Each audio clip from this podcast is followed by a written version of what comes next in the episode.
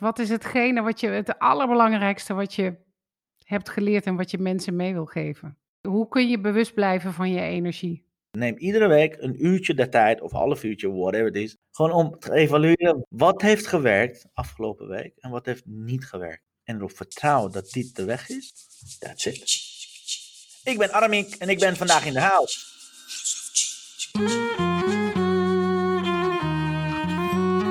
Een burn-out. Opgebrand en niet meer kunnen functioneren. Volgens de cijfers hebben alleen in dit land al 1,4 miljoen mensen last van burn-out verschijnselen. Ik sprak hierover met Aramika Rabidjan.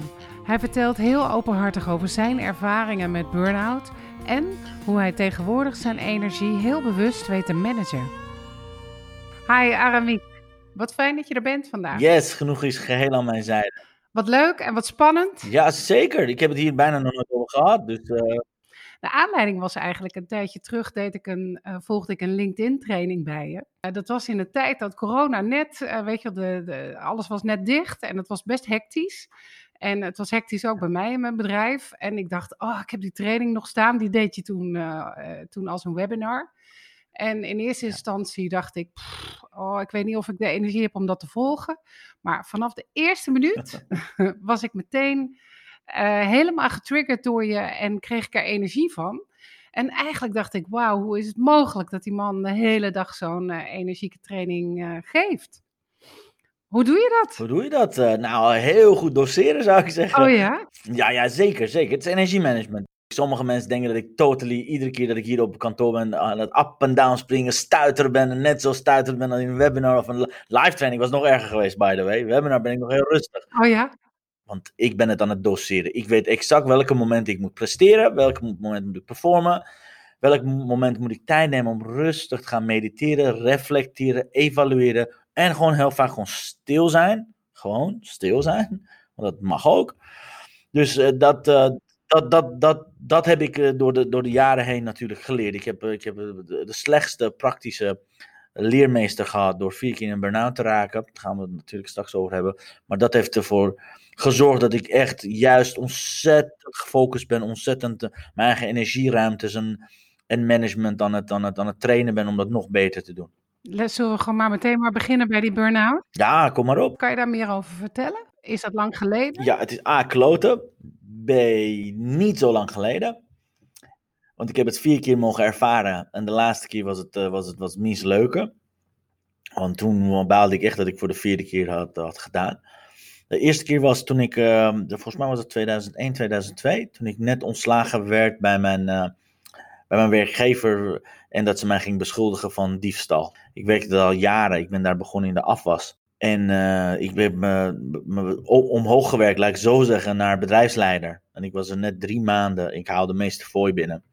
En op een dag uh, kwam ze vertellen dat ik had gestolen van haar fooiepot en van kassa, whatever. Dat ik een manier had gevonden om haar te omzeilen. Is, uh, en dat ik op staande voet ontslagen was.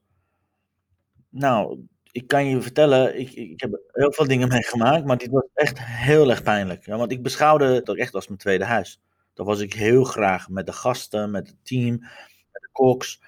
En nog steeds, nog steeds, als ik daar langs rijd, als, als we naar mijn ouders gaan, moeten we altijd langs het spoorhuis. Nog steeds doet het ontzettend veel pijn hoe, ik, hoe dat is gegaan, zeg maar. Dat doet nog steeds pijn. En ik heb het daarna nog, denk anderhalf jaar, twee jaar nog helemaal vermeden om überhaupt over die straat, zeg maar, te rijden, te lopen, wat dan ook. Dus dat liet echt enorme pijn, pijn, pijnplek achter bij mij. En dat was ook gelijk de aanleiding voor de, voor de eerste burn-out. Voelde je dat je een burn-out had? Uh, nou ja, als je acht weken lang niet uit je bed kan komen fysiek, alsof je aan het verdrieken bent en dat ik uh, mijn moeder nodig had om me te gaan te, te, te, wassen en te douchen, te laten eten. Mm. En dat ik verplicht in de tweede week al naar de, uh, hoe noem je dat? Nou, naar de, niet huisarts, de, de bedrijfsarts mm. ging. En ja, ik was de deur nog niet binnengekomen. Toen zei hij, oh, oké, laat maar, ik zie het al. Ga jij maar eerst de drie maanden eerst gewoon een burn-out uh, preventie ding doen. Want dit, dit gaat je, ja, hij wist het al. Ik bedoel, iedereen, ja, iedereen die mij toen zou zien, die zag, mm. die leek alsof ik uh, net um, een zeer, zeer traumatische ervaring had gehad. Of oorlog had verloren. Of een geliefde had verloren, wat dan ook. Zo zat ik erbij, zo lag ik er eigenlijk. En hoe lang heeft het geduurd?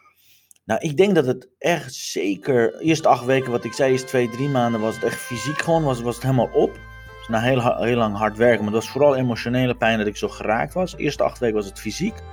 Daarna begon het emotioneel pas de plek krijgen. Eerst ga je, ga je fysiek, zeg maar, dat tenminste in mijn geval, fysiek werd ik beter. In één keer kwamen de emoties. In één keer werd ik boos en verdrietig, en teleurgesteld en verongelijkt. In één keer kwamen allerlei mix, mix emotions kwamen omhoog. En dat was vele malen erger dan lichamelijke pijn. Die kon ik handelen, want ik voelde niks.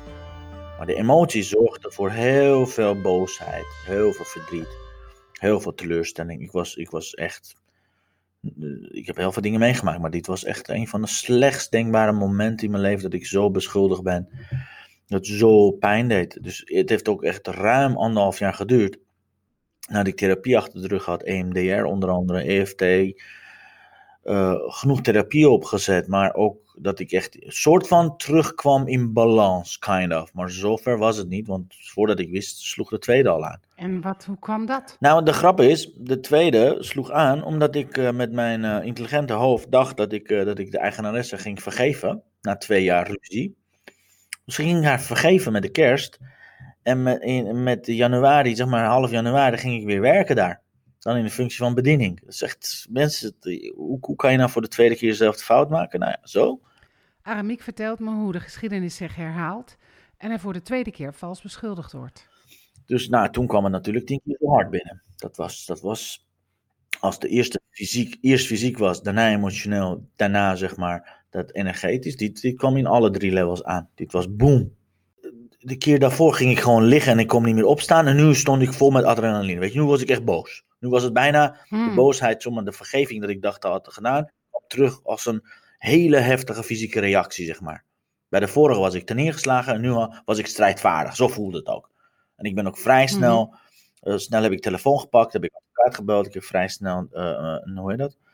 Mediator en, en de bedrijfsarts. En ik ben in die, zeg maar, in die adrenaline heb, heb ik ook niet op bed gelegen of zo. Ik heb ook niet, snap je, het was, fysiek heb ik het niet echt gevoeld. Ik ben ook volgens mij de volgende dag naar de arboarts gegaan.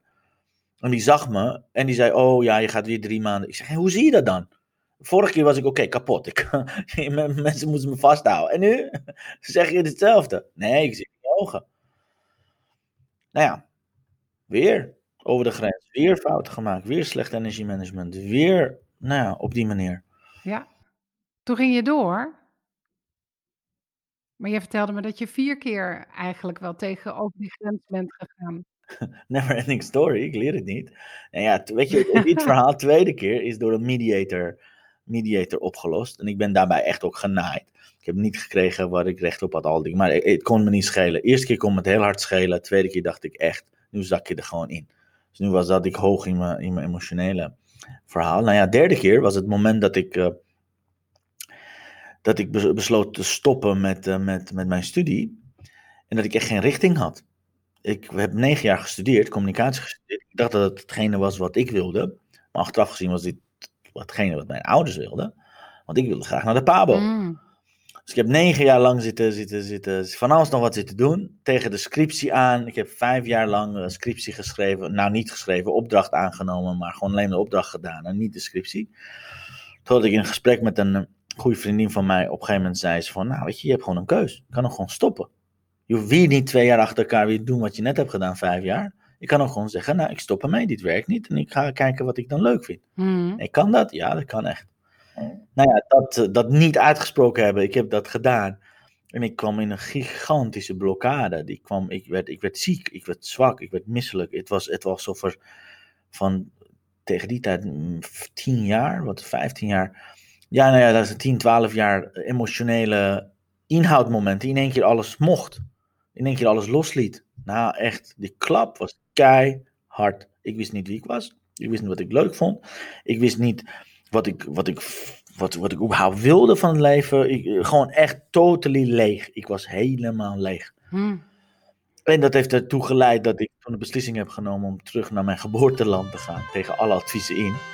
Ik ben terug naar Iran gegaan om de kleine Aramiek te Mm. vinden. En dat was de derde keer.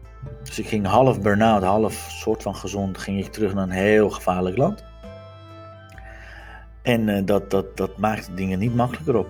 Ik heb daar echt moeten herstellen. Ik heb daar echt uh, meer dan twee, drie jaar van moeten bijkomen met alle gevolgen van dien.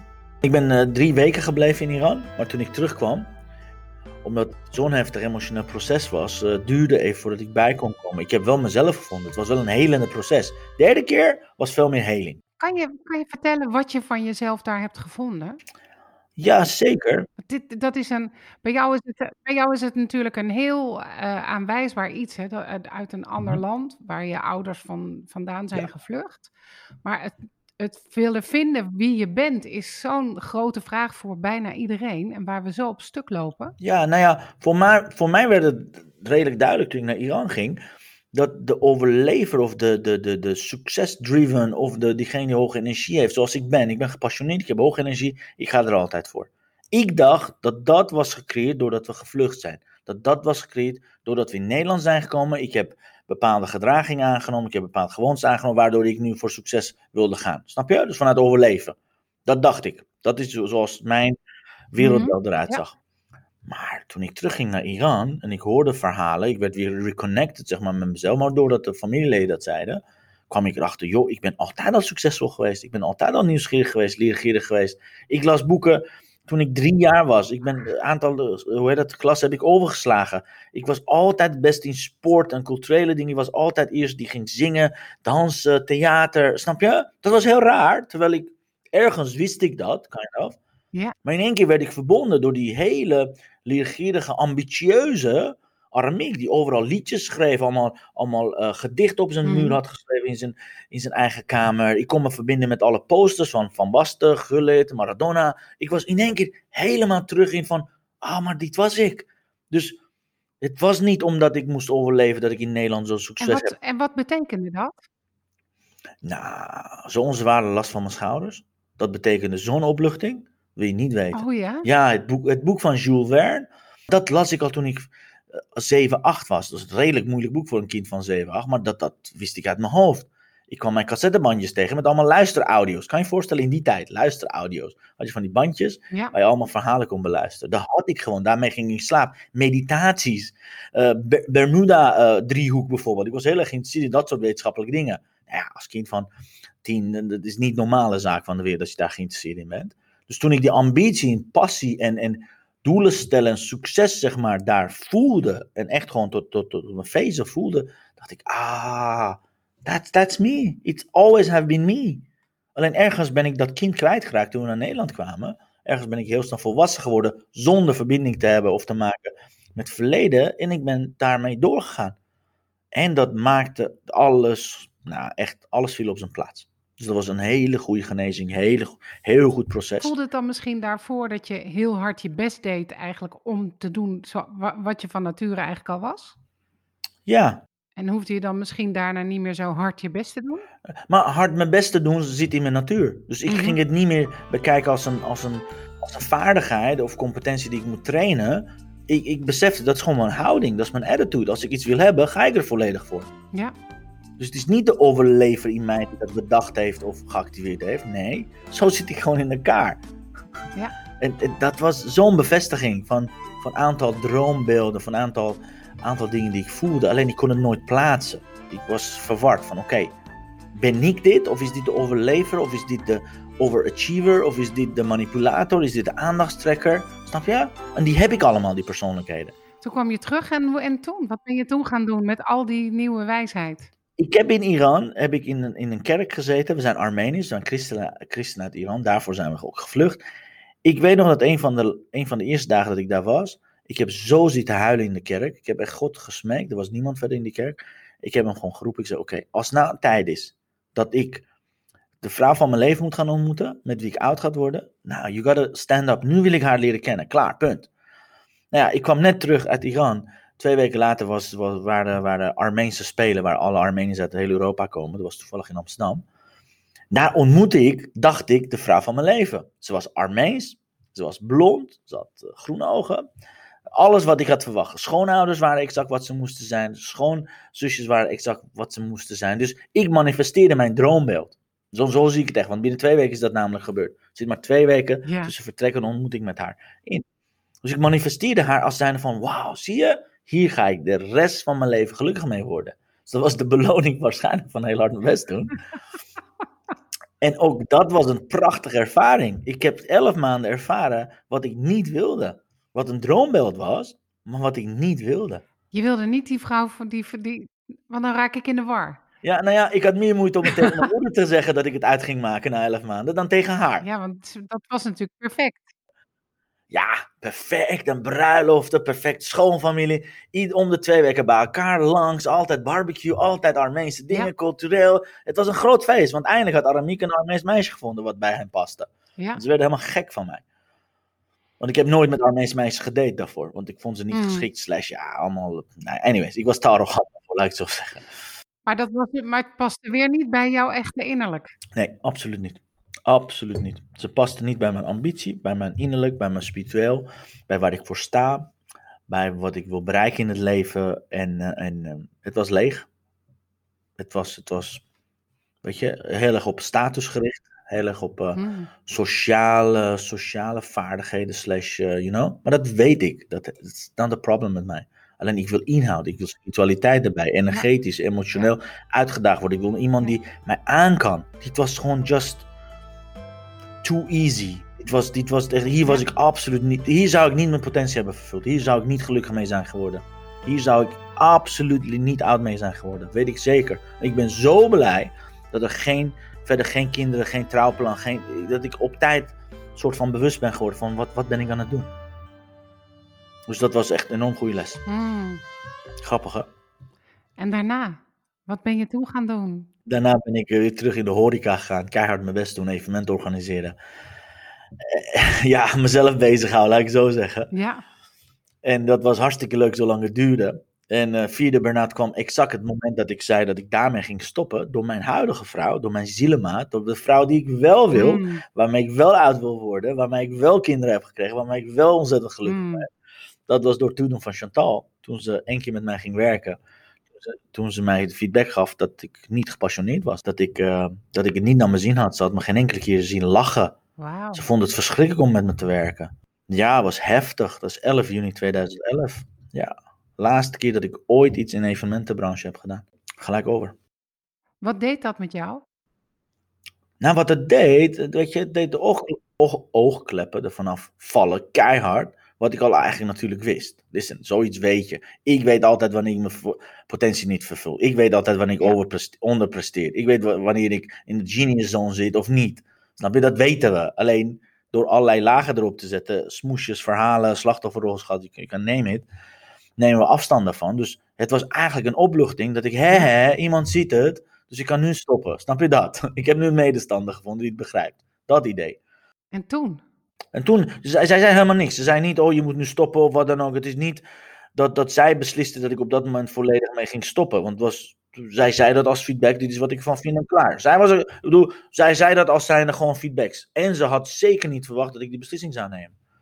Alleen toen we thuis kwamen, heb ik mijn broertje gebeld en gezegd, eh, ben ik er niet. Opdrachtgever van de, de week uh, gelijk gebeld ook gezegd, ik ben er niet. De jongens gaan het oppakken, whatever het is, heel veel plezier.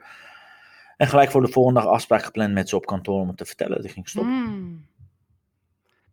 En de rest is geschiedenis, wat die beslissing betreft. Dus dat was echt mijn overwinning, om echt te handelen naar hetgene wat ik voelde en hoorde en al lang wist. En wat ben je toen gaan doen? Nou, heel verdrietig geweest eerst. Heel boos geweest. Ik heb mezelf echt gehaat. Om wat de piep ben je aan het doen? Maar ik wist het. Alleen dan kwam ik in een zwart gat. Ik kwam in een mega zwart gat. Oké, wat ga ik nu doen? Alle zekerheden, agenda in één keer leeg, geldstromen, depressie. Ik kwam toen echt in een depressie terecht, dat ik het niet meer leuk vond. Want ik wist niet wat ik leuk vond. Ja, leuk, wie dat doen, dat doen. Dus ik heb echt maandenlang, ben ik gewoon in mijn korte broek, in mijn pyjama, nou ja, uh, zeg maar in een ruftekamer gezeten. Vooral met zelfmedelijden. Oh ja, ja. Gewoon totally mezelf zielig vinden, gevonden en uh, dat verhaal. En totdat Chantal het binnen, ik denk dat het 30 dagen heeft geduurd waarschijnlijk. Ik weet, ik kan dat nooit reproduceren. Ik heb, qua mm tijdslijn vind ik dat lastig, omdat het emotioneel heel veel heeft betekend. Totdat Chantal kwam, oké, die, die ging echt ultimatum stellen. Oké, of je gaat nu met al die plannen die je hebt, met al die funnels die ik zie, met al die flipovers, wat je allemaal aan het doen bent in deze rufkamer. Of je gaat nu geld verdienen binnen 30 dagen. Of je gaat solliciteren als postbode of, of krantenjongen, kan me niet schelen wat je kan doen. Of bediening wat mij betreft. Je gaat nu geld halen, want ik ga je niet meer onderhouden Mm. op deze manier. Dit, is, dit, dit ga ik allemaal niet doen. En jij wilt kinderen, jij wil ons gezin, ja, je hebt al die plannen, bla bla bla. Nou ja, again, confrontatie, gigantische, nou ja, oranje vlag was het ding, het was diep rood. ja, en nou, dat gaf weer helderheid. Ja, dat was helder, oké. Nou ja, echt het slechtste wat je tegen een ondernemer kan zeggen, go get a job. Nou ja, ja, ja. dat was de button. ja. Nou, binnen 15 dagen had ik mijn eerste drie, vier klanten. In 15 dagen had ik 10.000 euro verdiend, you know. Zo makkelijk kan het zijn. Toen ben je eh, richting marketing gegaan. Ja, toen heb ik gewoon mijn, mijn, mijn informatie gepakt, boekjes gepakt, wat ik bij Nissan deed, mijn mentor had geleerd. Ik zat heel lang betrokken geweest bij die organisatie. Toen dacht ik, oké, wat is nou echt de essentie van business? Is A, een doelgroep, B, gratis producten, C, een aanbod. That's it. Drie dingen wat je nodig hebt. Nou, dat ben ik gaan maken. Wie is mijn doelgroep? Wie is het allerleukste? Dat ben ik gaan, gaan definiëren. Daarna heb ik gratis producten gemaakt. Ik heb ze geïnterviewd. Ik heb het in de markt gezet. Daarna dan daarvan heb ik een aanbod gedaan. Binnen twee weken had ik mijn eerste klanten, you know. Het werd in één keer heel simpel. Terwijl ik daarvoor moeilijk deed. En dat moeilijk doen herken ik. Wat bedoel je met dat moeilijk, doen, herken ik? Dus dat ik het ingewikkeld maakte, zodat ik niet in beweging kwam. Zodat ik bleef waar ik was. Ah, ja, Met mijn excuusverhalen, met Ja. zelfmedelijden, met dat ik zo zielig was en zo hard had gewerkt, dat ik het niet verdiende, het leven is niet eerlijk, mensen vinden me, eh, you know, dat. Dat zeikverhaal, dat is waar, waar ik dan in zat. Dat was zo herkenbaar. Die, hebben, die verhalen hebben we allemaal. Ja, echt. Is dit iets waarbij je wel jezelf bent? Duizend procent. Hoe wist je dat dan ineens? Ik heb dus geleerd om een aantal innerlijke en uiterlijke kompassen te creëren voor mezelf. Dus gewoon echt indicatoren neerzetten. Dus dat noem ik de, eh, de, de, de blauwe vlag, eh, hoe heet dat, oranje vlag, een rode vlag. Dan weet ik ook dat ik nooit bij de rode vlag zal komen, want de blauwe vlag is al heftig. Hmm. Dus ik heb voor, voor mezelf geleerd hoe kan ik mijn energie managen. Hoe kan ik iedere keer mijn purpose, passion en potential op orde hebben. En hoe kan ik ervoor zorgen dat ik never, nooit bij, al dicht bij oranje vlag kan komen. Omdat ik daarvoor al een aantal beschermingsmechanismen heb neergezet. Neem eens mee. Ja, dus wat ik belangrijk vind, is dat, dat ik iedere dag als ik wakker word, dat ik, dat ik weet eh, dat die dag benut gaat worden vanuit mijn potentie en niet vanuit dingen die ik ken. Dus dat is, is dit echt iets wat me verder brengt in mijn, in mijn potentie, in mijn passie en purpose? Hoort dit in mijn leven, ja of nee? Dat is één. Tweede is, zo begin ik de dag, dus ook met een meditatie, met, met verschillende meditaties. Aan het einde van de dag vraag ik me altijd af, het zijn drie vragen. Dat is dat is de vraag van Brandon Bouchard. Die zegt, did I live? Heb ik geleefd vandaag? Did I love? Heb ik gehouden vandaag? En derde is, did I make a difference? Die drie pijlers. Ik bedoel, als jij jezelf zou afvragen, die drie punten iedere dag aan het eind van de dag, nou dan heb je, heb ik, laat ik zeggen, in mijn geval, heb ik redelijk in de gaten welke dagen Mhm. goed zijn en welke dagen slecht zijn. En het enige wat ik moet doen, is de goede dagen appreciëren en slechte dagen van leren. En op die manier heb ik mezelf dus echt mentaal en emotioneel getraind om bewust te zijn wanneer ik een beetje bij de blauwe vlaggen wegga. En dat gebeurt vaker dan me lief is. Het is niet dat ik heilig boontje ben en nooit meer richting de oranje vlag kom en dat soort dingen. You know? Dat is echt absoluut niet waar. Maar het is wel een heel fijn, eh, heel fijn vangnet geworden voor mij, herkenningspunten, waarvan ik weet, ben ik nog steeds bezig met hetgene wat mijn eh, potentie gaat vervullen. Want ik geloof, happy, happiness is living on purpose. Ik, ik ben geboren voor iets Mm. heel groots. Ik ben geboren om verschil te maken. Met mijn passie en met mijn energie, met alles. Dus het moment dat ik die passie niet meer zou voelen, het moment dat de, dat de indicatoren zeggen, ah, you know, er gebeuren te veel dingen waarvan ik denk, hey, dit hoort niet als, als het stroomt. Ja, dan back off. Dan ga ik tijd nemen. Dan neem ik time out. Ik heb ook wel eens, mijn klanten weten het, eh, als we afspraken maken, 90% van de afspraken gaan door. Soms kan het zijn dat ik afbel omdat ik me niet goed voel. Dat zeg ik ook.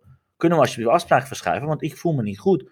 Jij, jij moet een coach hebben die jou optimaal, zeg maar, eh, eh, geeft. En op dit moment voel ik me heel laag, dus kunnen we het verschuiven. Dus echt om mezelf in bescherming te gaan nemen. Op die manier. En dat werkt ontzettend Dat goed. vraagt wel moed om, want daar, om, te kun, om te durven zeggen, ik, spreek de, ik zeg onze afspraken af. Ja, verwachtingmanagement. Dus mensen weten dat van tevoren bij jou dat dat Ja, zou dus van tevoren zeg ik al, ik ben niet de perfecte coach. Denk je niet dat dat eigenlijk voor iedereen, dat iedereen daar zo meer mee om zou moeten kunnen gaan? Ik heb een eh, gesprek gehad in de podcast met eh, Melanie Peters over eh, vrouwenklachten. En waarin zij bijvoorbeeld ook zei, ja, wij vrouwen, we hebben een cyclus. En het is echt wel uh, waardevol om te denken van nou, op bepaalde momenten van, dus heb je meer behoefte om naar binnen te gaan. Op bepaalde momenten ben je juist meer, hoe is het zeg maar je zomer? En dat zouden momenten zijn dat je die grote presentatie doet of dat je gaat daten of... Het, Onderhandelingen. Ja, het zou toch best wel uh, ja. best misschien beter zijn voor de gezondheid en ook voor het, voor het plezier in werk als we iets meer ruimte zouden hebben soms. Uh, om te zeggen, oké, we doen het niet vandaag, maar een andere keer. Nou, en ik denk niet dat het iets meer ruimte, ik denk dat er alle ruimte moet zijn om volgens uh, bioritmes of bioritme of volgens de emotionele uh, up en downs te gaan werken. Dat weet ik zeker. Het zal alleen maar mensen vrijheid geven. Als het eenmaal mag zijn, dan gebeurt het minder. Maar als het niet mag zijn, gebeurt het juist vaker. En ik denk zeker wat vrouwen betreft, arme vrouwen, alle respect voor jullie. Ik zweer het je, hoe jullie dit doen, geen idee. 8000 ballen met dat lichaam wat continu het hele leven niet doet wat je wil. You know, het is precies andersom altijd. Als je eenmaal klaar bent met hetgene wat dan komen juist de andere. Weet je, ja, diep respect voor jullie, absoluut. Ik denk als wij zouden leven naar de innerlijke innerlijke kompas van vrouw. Net als bijvoorbeeld hè, met, de, met de maan, maanbewegingen. Dat je, heb je bij witches, hoe noem je dat? Bij de, bij de heksen heb je dat heel vaak. Maar je hebt ook bijvoorbeeld vrouwen die in de winter meer gaan kleden of dat ze meer vet laten staan. Hè, want dan zijn allerlei lichamelijke en spirituele en emotionele zaken die je ermee kan doen. Wat niemand weet. Verder, behalve die inheemse volkeren. Daarmee bescherm je je, je, je beweging. Iedereen verwacht dat je ten alle tijde 100% op alle levels kan geven. Het is gewoon niet zo. Nee, terwijl dat, is wel, terwijl dat wel jouw slogan is, hè? ja, zeker. Maak het verschil iedere dag, iedere uur. Juist. Dus voor jou kan je dat ook maken. Dus als jij vindt dat je niet optimaal bent en je, je hebt een downer of je, je voelt je niet goed en het enige wat je wil is gewoon even lekker gaan liggen, dan is dat op dat moment wat je moet doen ik ben vaker dan eens, ook zeker de afgelopen periode, ben ik gewoon hier het licht gaan uitdoen van het kantoor. Heb ik hier gordijnen naar beneden getrokken. Ben ik hier op de grond gaan liggen tegen de verwarming aan. Omdat ik dat op dat moment gewoon moest doen. Even time out. En is er iets, dus wat je vertelde net dat je mediteert, is dat iets waarmee je elke dag opstaat? Ja, ja. Eh, s'nachts ga ik ermee naar bed. Dus meditatie, de begeleide meditatie ga ik altijd met de oortjes, heb ik de meditaties op. Het liefst 90% van de tijd. En s ochtends is, is bijna altijd, of is het tijdens het lopen naar de bus, of tijdens dat ik loop naar de kantoor, of als ik kantoor aankom, dat ik even weer gewoon helemaal ga zitten, een half uurtje lekker begeleid. En, en, mediteren, in dit geval laat ik uitleggen wat bij mij mediteren is, is luisteren naar een heerlijke stem met een achtergrondgeluid. In dit geval of Michael Pilarczyk met zijn mhm. meditation moments, of Roy Martina, of Ferret Neta, een andere mentor iets wat mij prettig en begeleid. Dus het is niet zo dat ik daar zit als een of andere yogi en in één keer helemaal tot rust ga komen. Dat is niet van mij. Ik, ik, ik heb het zo vaak gedaan. Ik vind het heerlijk om begeleid gemediteerd te worden, want dat zet mijn geluid uit. En ieder voor zich. Dus dat is aandacht, dat is mindfulness. Iedereen heeft een ander level, maar dit is wat ik prettig vind.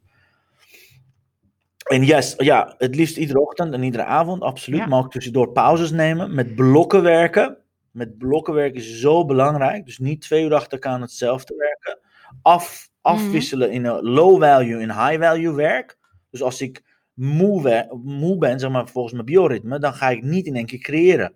Met vermoeid, vermoeid lichaam en nog geest. Nee, als ik vermoeid ben, ga ik e-mails beantwoorden. Want e-mail is low, low profile, weet je, dingen die mij niet te veel moeite kosten. Maar als ik in de high energy zit, ja, dat is niet het moment om te gaan, om te gaan mails beantwoorden, allemaal stomme dingen te gaan. Dan is het tijd om te creëren of te performen of wat dan ook. Dus dat is wat ik bedoelde met energiemanagement.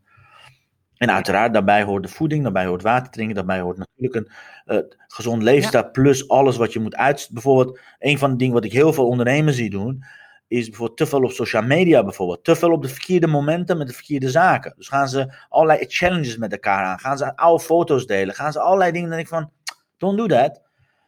Houd focus. Maar ook bijvoorbeeld mensen die te veel naar televisie luisteren. Kijken of radio beluisteren of naar kranten lezen. Dat doe ik allemaal niet. Ik lees geen kranten, ik luister geen radio. En ik, we hebben televisie alleen maar om uh, heerlijk s'avonds met elkaar een filmpje te kijken. That's it. Dus ook dat is zeg maar de, de bevuiling, vervuiling weg te laten. Mm. Zowel praktisch als, als, als zover het kan. Want anders, uh, ja, dan, dan kom ik nog een keertje in burn-out. En je hebt kinderen, zeg je, met Chantal. Hoe, hoe verdeel je die tijd tussen jouw energieke werk en uh, je gezin? wil je een eerlijk antwoord of wil je een sociaal geaccepteerde antwoord? een eerlijk antwoord, toch? Eerlijk antwoord. Nou, Chantal is, de, Chantal is het hoofd. Zij, zij regelt bijna alles in het gezin. Als ik thuis kom, ik ben een papa die gewoon heel rustig gaat, gaat zitten, lekker met kinderen even gaat spelen, wat dan ook. Nee, thuis ben ik heel rustig. Thuis is, is, mijn, is mijn plek om veilig te zijn. Om ook gewoon, dat je, even outtunen. Ook telefoon weg, alles weg. Tot negen, totdat kinderen weg zijn. Dan pas eventueel of een filmpje kijken. Of als er iets gewerkt moet worden, dan gaat doen. Maar ook dat is balans. Het is niet dat we iedere avond film kijken samen. Maar het is mm. ook zeker niet dat, we iedere, dat ik iedere avond achter de laptop zit. Of Chantal aan het tekenen is. Of aan het grafisch ding aan het doen is. Het is echt gewoon op samen als stel, maar we hebben wel een aantal stelregels. Want dat is wel belangrijk wellicht voor je luisteraars. Wij hebben de commitment uitgesproken naar elkaar toe. Wij moeten een business rondom gezin bouwen, niet ons gezin rondom de business. Wat betekent dat? Bijvoorbeeld dat ik na vijf uur niet meer bereikbaar ben. Voor niemand. Na vijf uur doe ik ook geen sociale activiteiten. Ik ga ook niet naar borrels toe. Ik ga ook niet naar evenementen die na vijf uur duren.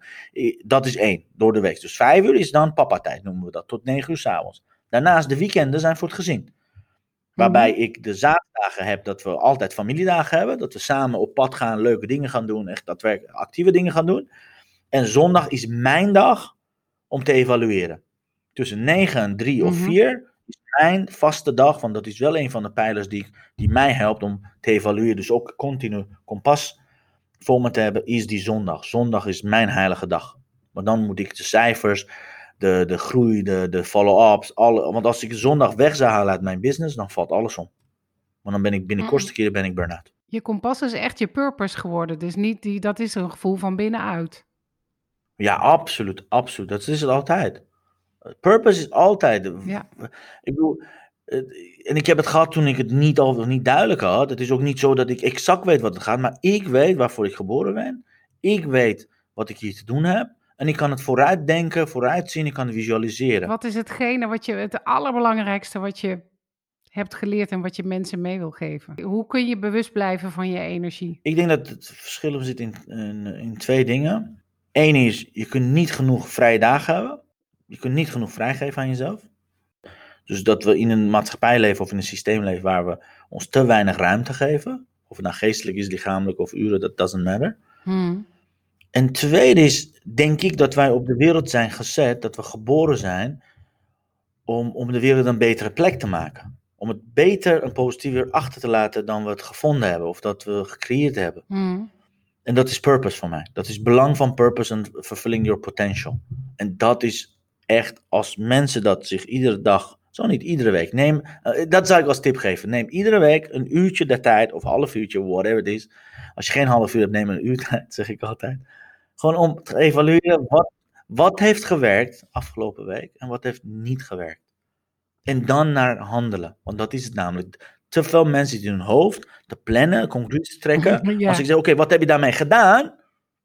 Uh, ja, ja, ja, ja, uh, kom allemaal excuusverhalen. Dus het is echt het evalueren, reflecteren, maar ook het ja. oplossen. Het ook echt gewoon daadwerkelijk gaan doen. Als we die twee dingen onze kinderen gaan leren, als we die twee dingen ondernemers gaan leren, van echt, je hebt geëvalueerd, ah, dat moet je leren reflecteren. Dan naar handelen en erop vertrouwen dat dit de weg is. That's it. Want jij weet dat, wij weten het al lang. Roy Martina zegt altijd, you need to remember. That's it, leven is al lang gebeurd. We zijn het alleen maar aan het herinneren. Nou, dus dan weet je, is dit een goede herinnering, ja of nee? Is het niet, change. Dankjewel. Ja, heel graag gedaan. Het is me waar genoegen.